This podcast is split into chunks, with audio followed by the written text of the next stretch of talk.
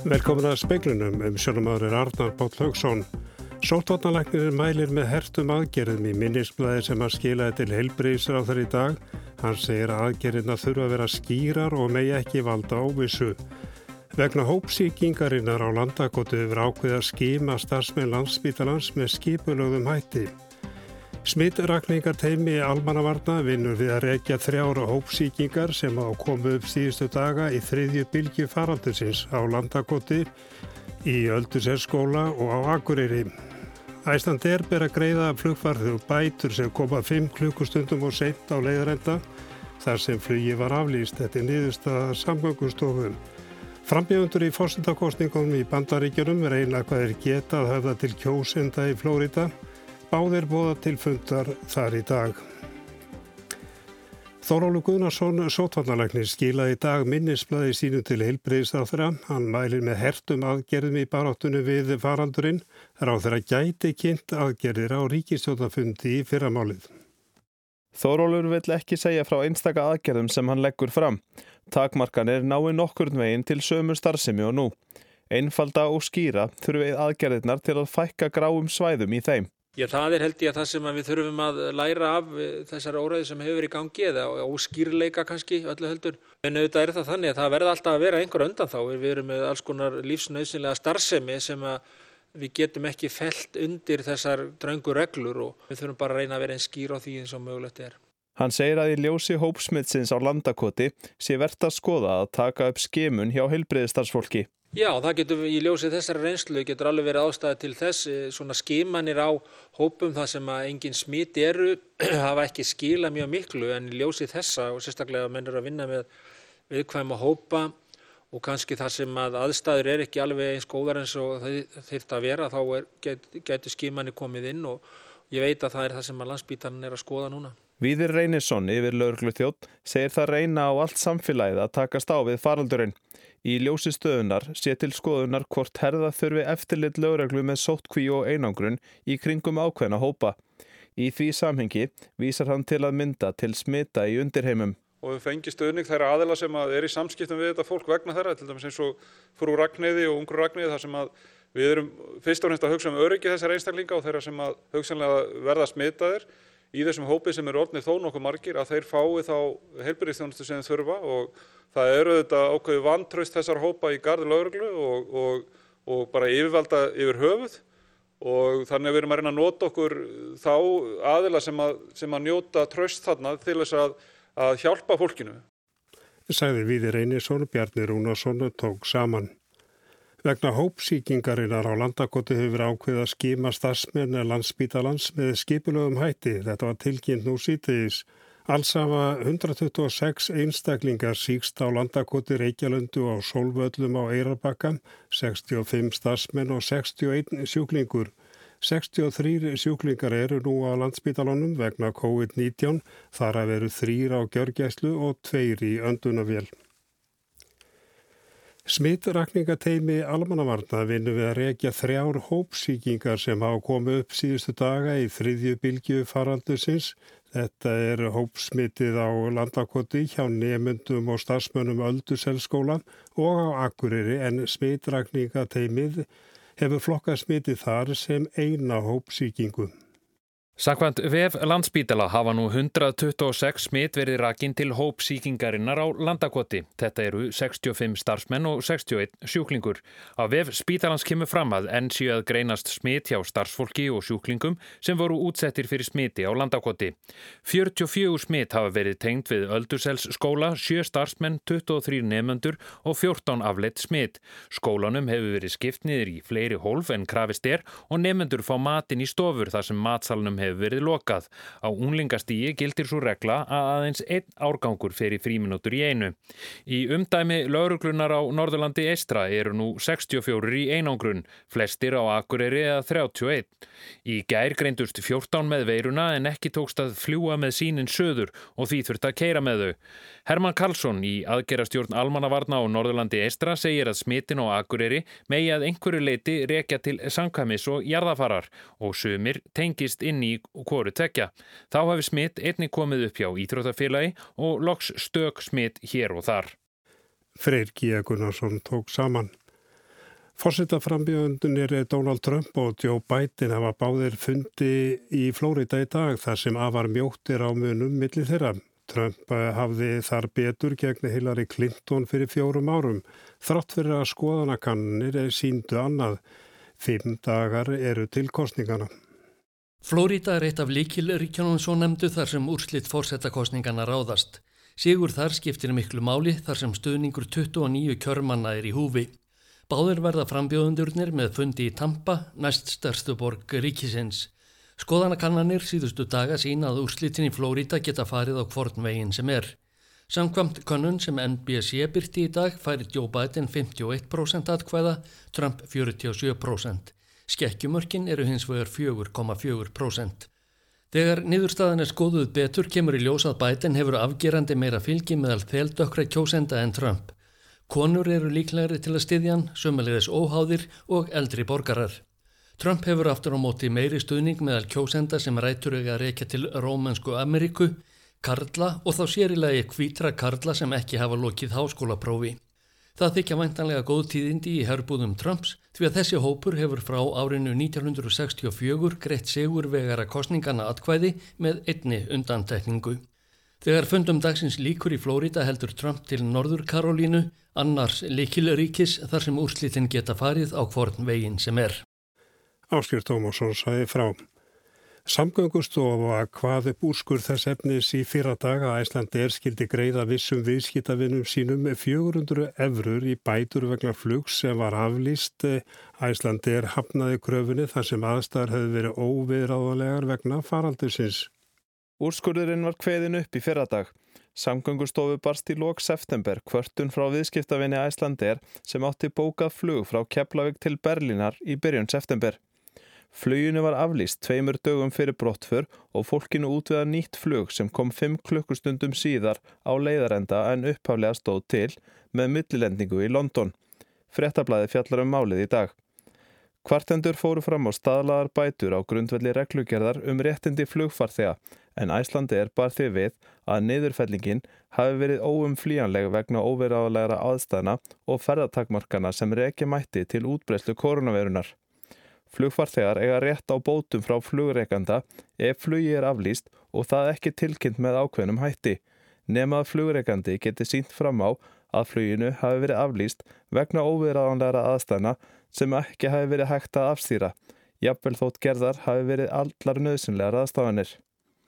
Samgöngustofa taldi að Æslandir hefði ekki gert allt sem í þess valdi stóð til að koma fólkinu á leiðarenda á réttum tíma með hlið sjón af þröngri lögskýningu Europudómstólsins á hugtakinu óviraðalegar aðstæður. Þá var einnig bent á að landamæri landsins hefði ekki verið lokuð og því var í bótaskilda á félaginu. Bjarni Rúnarsson saði frám. Hársnirtar, eh, snirtifræðingur og fleiri sem gert var að loka sinni starfsemi þegar sótvarnar aðgerir voru hertar eh, fyrir í mánuðunum býða enn eftir mótvæðis aðgerðum frá stjórnvöldum.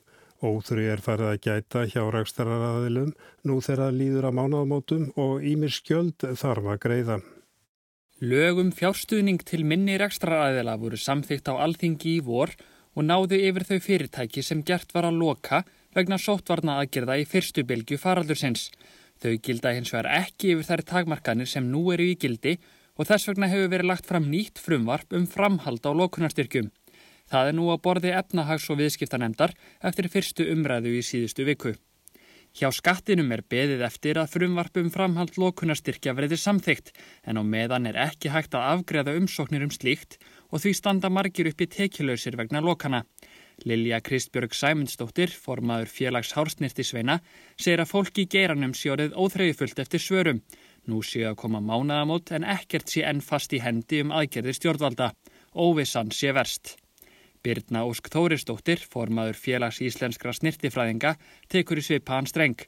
Aðgerðirnar í vor hafi hjálpað mikið til en hún óttast að einhverjar snirtistofur eigi ekki eftir að lifa ástandið af nú án aðgerða. Samkvæmt frumvarpinu um framhald lókunarstyrkja verða þeir herri nú en í vor en þá voru þeir gaggrindir fyrir að vera veigalitlir. Andri Irkillu Valsson tók saman.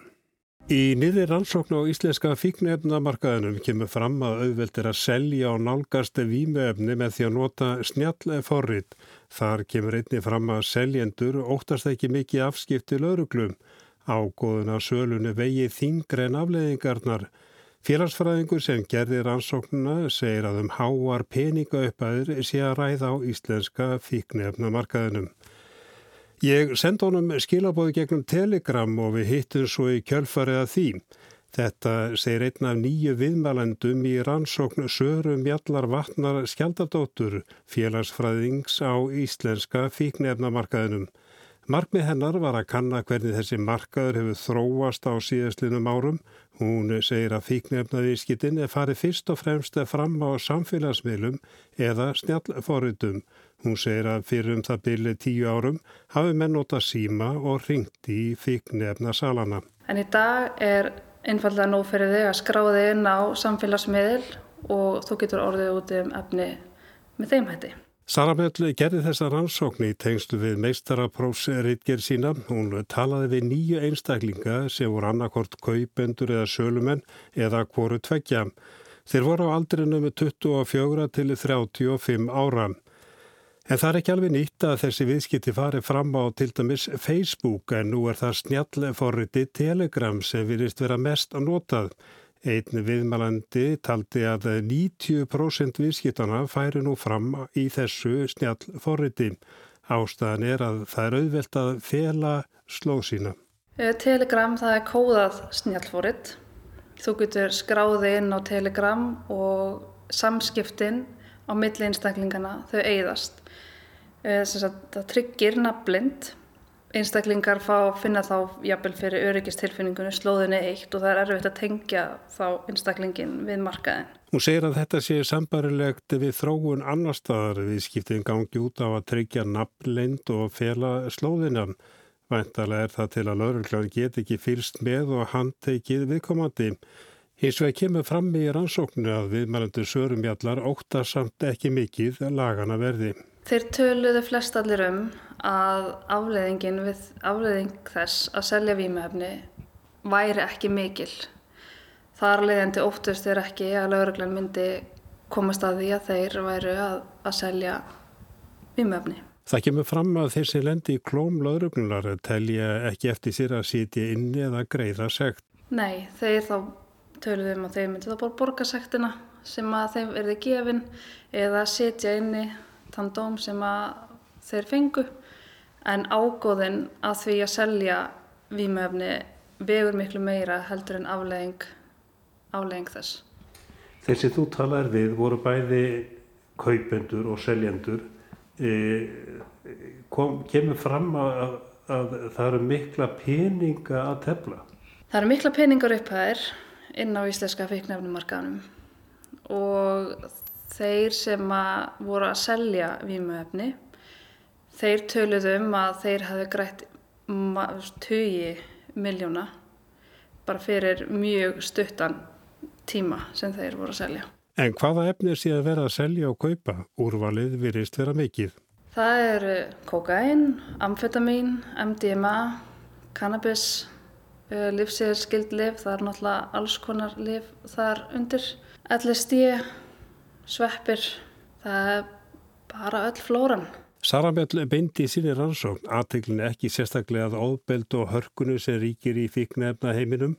Einn viðmælandi sagði inn í þessum bransa ríkir mikill heiðarleiki og virðing. Þetta er ekkert öðruvísi en að reka fyrirtæki. Hins vegar reyndun að varpa ljósi á neikvað áhrif fíknefnamarkaðarins eins og andlát og raunir fíknefnareitenda. Það var mjög ábyrrandi þegar ég var að taka viðtölinn að þeir einstaklingar sem að neittu einungis kannabis, þeir höfðu ekki upplifað eins mikil neikvæð áhrif fíknefnumarkaðins eins og þeir sem að voru að neita eða selja harðari vímuöfni. Og þegar ég tala um neikvæð áhrif þá er ég að tala um andlát eða döðisvöll og eða verið lífsættu sjálfur og afskipti á lauruglu. Þeir sem að neittu harðari vímöfna eða voru ég að tala um kokain, amfetamin og MDMA og þess áttar þeir, eh, að lauruglun hafi haft mikil afskipta af þeim þau áttu fleiri meðferða innlagnir á bakinu hafðu mist vini og kunningja vegna výmefnanislu og hafðu jafnvel sjálfur oft verið í lífsættu sjálf. Viðmannandur Sörum Jallar hafðu allir neitt výmefna en voru allir hættir neyslu þegar viðtörlun fóru fram. Meiri hluta þeirra hafði farið í meðferð, þeir voru allir sammála því að fíknefnamarkaðinum fylgdu neikvæðar afleðingar. Dauðin væri ein afleðing og þeir voru sammálum að dánartíni vegna fíknefna hefði aukist á síðustu árum. Átt af nýju þáttakundum hafðu misti kunningi eða náinn vini í kjölfaru výmefnaneyslu. Einn sagði til dæmis að hann hefði þekkt um 20 einstaklingar sem hefðu látist af völdum fíknefna á síðustu tveimur árum. Annar viðmælandi sem hafi verið spröytu fíkil í fimm ár sagði að hátt í 30 vinir og kunningjar hefðu látist vegna výmefnaneyslu. Nokkur af viðmælandunum hafðu verið við dauðan stýr. Ég hef verið líkaður við oftar en einu sinnu og oftar en tvísvar, sagði einn og annar sagði að hann hefði oft verið nálat því að deyja. Sjö af viðmælandum söru hafðu komist í kast við lögin, hef oftast verið tekin fyrir vörslu en hef líka verið tekin fyrir sölu, margvíslega þjófnað, grunaður um inbrót og hef fengið dóma fyrir vopnalega brót og líkamsárás, sagði einn. Yngsti þáttakandinn sagði að laurugla hefði þurft að hafa afskipt á honum 30 sinnum. Annar sagði að lauruglan væri með um 100 skjölum sig um afskipti handtökur og þrjá dóman. Þrátt fyrir mikil afskipti lauruglum heldu þáttakendunir sjö áfram að neyta výmefna og seljaðu, segir í rannsókninni. Íslenski fíknefnumarkaðurinn hann er í stöður þróun og það virðist eins og á ef við byrjum saman mína rannsóknu við niðurstöðunar og rannsókn 2017 í samnaróðni rannsókninni sem gerð var að þá var helsti miðlinni Facebook en núna er hann Telegram og það virðist sem að neytundur og seljundur výmjöfna færa sig yfir á næsta miðl sem að þeikir þægilegastur eða þægilegt að nota. Þetta var Sara Mjölle Vatnar Skjaldardóttir og hún fjallar um rannsókn sína í Þjóðarspegli Háskóla Íslands á morgun.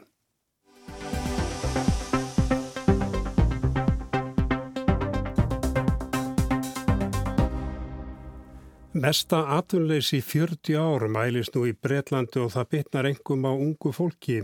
Þessar og aðrar ógóða fréttir dinja á Breitum eins og fleirum en þær hafa fallið í skuggan af deilum um mat í skólafríum handa börnum efnalítilla foreldra. Markus Rassford er frægur á fótboltavellinum en hann hefur einnig tekið fórustu í þessu máli sem ymsi segja að hafi orðið sjálfsmark eh, bresku ríkistjórnarinnar. Í jafnstjættskiptu þjóðfélagi og Breitlandi er allt tólkað og metið út frá því hvers konar umhverfi hvaða stjætt fólk er sprottið. Pólitíska umræðan snýst á gjarnan að hluta um hvort til dæmis stjórnmálamenn skilji í raun aðstæður þeirra sem eru annara stjættar en þeir sjálfur, ábyrjandi tótn í sumu málum. Eitt slíkt mál er í veldunum þessar myndir, snýst um skólamáltíður og frí. Skólabörn hér fá mat í skólanum sem fóraldandi borga. Börn efnalítilla fóreldra fá ókepi skólamat en ekki í skólafríum. Þetta var rætt fyrir sumafríið, margar fjölskyldur illa stattar vegna verufaraldursins. Þá steg óvænt fram Markus nokkur Rassford við frægur liðsmaður Manchester United fótboltafélagsins. Rassford sagði umræðina um svöng börn snerta sig sérstaklega djúft því á sínum skólárum hefðu ókepi skólamáltíður bjarga sér frá hungri. Hann skoraði því á ríkistjórnina að sjá til þess að börn sem reytu sig á skólamáltíður fengju líka að borða í sumafrínu. Stjórnin tók undir þetta sjónarmið, reyti fram fjö, þannig að í gegnum skólana fengu börnin miða sem var þetta framvísa í maturverslunum. Fyrir störf sín í þáu góðra málefna fekk Rasford orðu. Þegar fór að líðað höstfrínu sem nú stendur víðast yfir vaknaði þessi umræði aftur þá einnig með önnur frí skólaársins í huga. Aftur hvart er Rassvort ríkistjórnina til að hjálpa krokkum sem get ekki reitt sig á að foreldrarnir eigi fyrir mat. Í þetta skipti tók ríkistjórnin ekki undir með Rassvort. Það þyrtengar sér aðgerðir því nóg hefði verið aðgert með öðrum hætti. Stjórnin hefði hækkað félagsbætur og lagt bæjar og sveitarfélagum til aukið fér til að mæta útgjöldum sem þessum. Nokkur þingmenn íhalsflokksins sendu Rassford tónin eitt frægur að hamast á samfélagsmiðlunum, sögðu þeir. Líka að matarmiðar væru niðurlægandi. Aðtiklisverðustu rökin gegn þessu voru kannski þau að það mætti nota matarpakka til að kaupa eiturlif, verðist reyndar ekki þekkt vandamál. Rassford tók þessu fjadrafóki rólega. Margir af þeim sem tjáðu sig gerðu það af skilningsleysi þekktu ljóslega ekki hungur af eigin raun, sagðan. You know, I know for sure that a lot of them speaking the way that they're speaking, it's so insensitive about the issue and they've definitely not, not been through it themselves. Um. Þing tillaga verkamannaflokksins í liðinni viku um að tryggja mati fríum fram yfir páskafríið var feld þó nokkrir íhalsþingmenn stittana. Aðri segja verkamannaflokkin aðeins slá mynd út á málið bröðist of seint við. Beðni Rassfords um aðgerðir hefur fengið gríðarlegan hljómgrunn utan stjórnarinnar. Bæjar og sveitafélög, góðgerafélög, matstaðir og aðri sem framleiða mat hafa undanfarið tekið höndum saman svo barnafjölskyldur fengju stuðning að með þyrti. Allir vildu heyra hvað fórsætsráð þeirra sæði um Rassford og herrferð hans. Johnson sæði í viðtali í vikunni að hann hefði reyndar ekki rætt við Rassford síðan í júni, nefndi ekki bref sem Rassford skrifaði honum nýlega, en jú, Auðvita skildi Johnson málið hungur í skólafríinu, það væri til staðar en stjórnin hefði þegar bröðist við vandanum. I'm, I totally understand the issue of, of holiday hunger. It is there. We have to deal with it. The, issue, the, the, the debate is how do you deal with it? And we're very proud of the, of the support that we've given. Málið var einnig rætt í lávarðadeildinni þar sem Griffiths lávarður, íhaldsmaður og fyrrum stjórnarmaður í Goldman Sachs bankanum rifjaði upp að alla sína skólatíð hefði hann, sonur einstæðrar móður, fengið ókipis að borði í skólanum. Hann myndi enn, skinjaði enn, vaksandi örvandinguna þegar leiðað fríum, hvernig móður sem bjó í einu herbergi með tvo sinni ætlaði útvega mat. Marcus Rashford and I have this and probably only this in common. We remember, not in our heads, but in our whole bodies. An old Etonian, of course, can't be expected to have had the same experience. Þetta og líklega ekkert annað eigum við Markus Rashford sameilegt, sagði lávarðurinn, öldungur sem er sannlega ekki íþróttamannslega vaksinn. Við munum þetta, ekki haustnum, heldur í öllum líkamannum. Það er auðvitað ekki hægt að búast við að sá sem gekk í Ítón búi yfir sömu reynslu, nýtti lávarðurinn á. Ítón er þessi frægi engaskóli sem fórsættisráð þeirra og fleiri kringum hann gengu í. Og já, skýrari gerist breski stjættamunurinn ekki, Ítón og einstað móðir í einu herbergi með tvo sinni. Sum má lifa merkilega lengi í minningu kjósenda þar af svo samlíkingin að það hafi verið sjálfsmarkstjórnarinnar að hlust ekki á fótboltakappan. Sigrun Davidsdóttir sagði frá.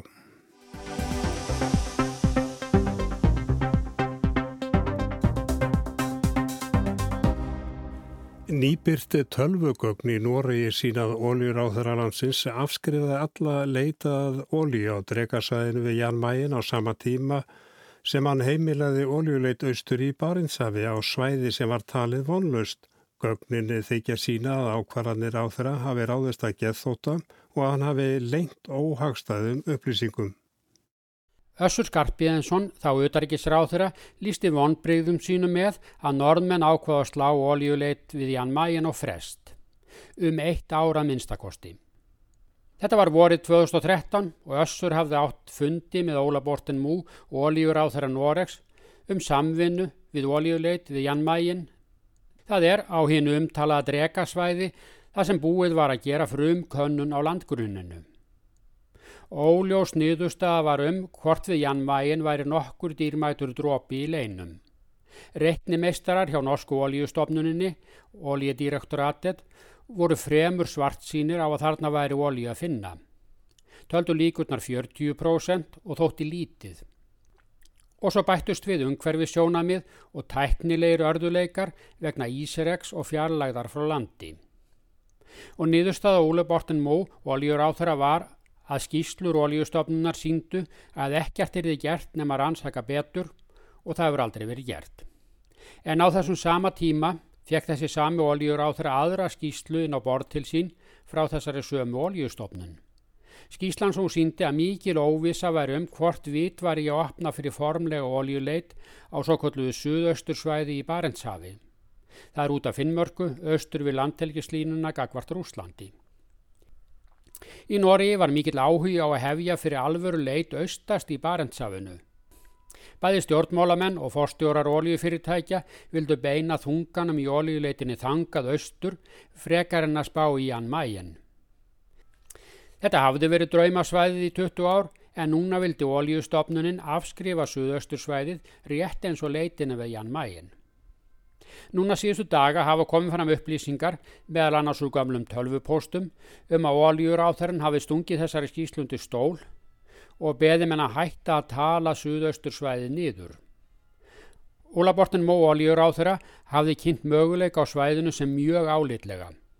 Þarna geti verðmætið ólíu og alltið á hundruðum miljardar nefndi 280 miljardar norskra króna eða það er um 4000 miljardar íslenskra. Reknimestarar oljustofnunar fóru eina ferðin enn yfir niðurstöðu mælinga og voru sem fyrr þungir á brún. Þeir sendur áðuneytinu niðurstöðu sína um að svæði veri mjög áhættu samt og sennileg ekki arðbært nema oljuverð heldist í 120 dólarum á tunnuna. Fjalli oljuverð undir 100 dólara væri öll vonum hagnað úr sögunni. Oljustofnun vildi fresta málinu rétt eins og við Jan Mægin og mæla og rannsaka meira. Svar kom frá oljuráþra vorið 2013 skömmu eftir að leit við Jan Mægin var frestað. Bóðin voru að ráþra vildi ekki heyra meira um þetta fjás og hefjast heldur handa. Og í tölvupósti frá ráðuneytinu 16. mæ 2013 stendur að ráðuneytið oski ekki eftir frekari mati á möguleikonum hvorki á suðaustursvæðun í Barentsafi njefi Jan Mægin. Skísla oljustofnunar um evasemtir varðandi suðaustursvæðið var svo endursend stofnuninni og á hana límtur gulur miði þar sem skrifað var gæti þess að vera ekki að tala suðaustursvæðið í Barentshafinu niður. Starfsmenn oljustofnunar fóru að þeim ráðum og hættu að skipta sér á rannsókninni. Norska ríkisútvarpið NRK hefur byrt þessi gögn. Stórþingi samþýtti svo í júni 2013 að útbóð á oljuleita á þessu umdelda svæði í Barentshafinu mætti hefjast. Það var án þess að skýslan frá oljustofnum fyldi með gögnunum sem þingmenn gáttu kynnt sér. Engar evasemtir komu fram. Um þetta er deilt nú. Úla Borten Mú, sem nú er starfsmáður hjá eigin oljufyrirtæki, segist engu hafa lengt þarna vorið 2013. Þingmenn segi hins vera ráð þar að hafi lengt því sem mestumáli skipti. Síðan hóf og norska oljufyrirtæki Statoil oljuleit og boranir þarna úti fyrir Finnmörku. Vinslusvæði voru afmörku árið 2016 og fyrirtækinn svo BP og Petoro bættust við en þremur árum síðar, þar í fyrra, pökkuðu starfsmenn oljufélagana fökkum sínum saman og fóru. Það er engin olja í hólunum. Miljardar höfðu tapast við vonlausa leit. Núna þykir líklegast að oljur á þeirra hafa á þessum tíma látið byggða sjónamið ráða. Fólk á austurfinnmörku hafði mikinn huga á að vera með í oljuævintýrinu og þarna hafði opnast álitlegur möguleiki en svo von brást eins og vonin um oljuævintýrið á drekasvæðinu. Gísli Kristjánsson saði frám og við sögðum meðal annars frá því speiklunum í kvöld að sóttvarnalagnin mæli með hertum aðgerum í minnisbladi sem að skilaði til heilbreyðsar á þeirra í dag. Hann sýr að aðgerinnar þurfa að vera skýrar og megi ekki valda ávísu. Vegna hópsíkingarinnar á landakótu verið ákveð að skima starfsmenn landsbítalans með skipulögum hætti. Þetta var tilkynnt í dag. Smitrakningar teimi almannavarna vinnu við að rekja þrjár hópsíkingar sem hafa komið upp síðustu daga í þriðju bylgju faraldur síns á landakóti í Öldurselskóla og á Akureyri. Frambjöfundur í fórsettakostningunum í bandaríkjunum er eina hvað er geta að hafa til kjósenda í Flórida, báðir búa til fundar þar í dag. Hársnirtar og snirtifræðingur og fleiri sem gert að vara loka vegna COVID-19 býða enn eftir mótvægisaðgerum frá stjórnvöldum. Óþri er farið að gæta hjá þeim nú þeirra líður á mánamótum. En það er ekki fleira í speiklunum í kvöldi. Tæknumadur var Magnús Þorstein Magnússon verið sæl.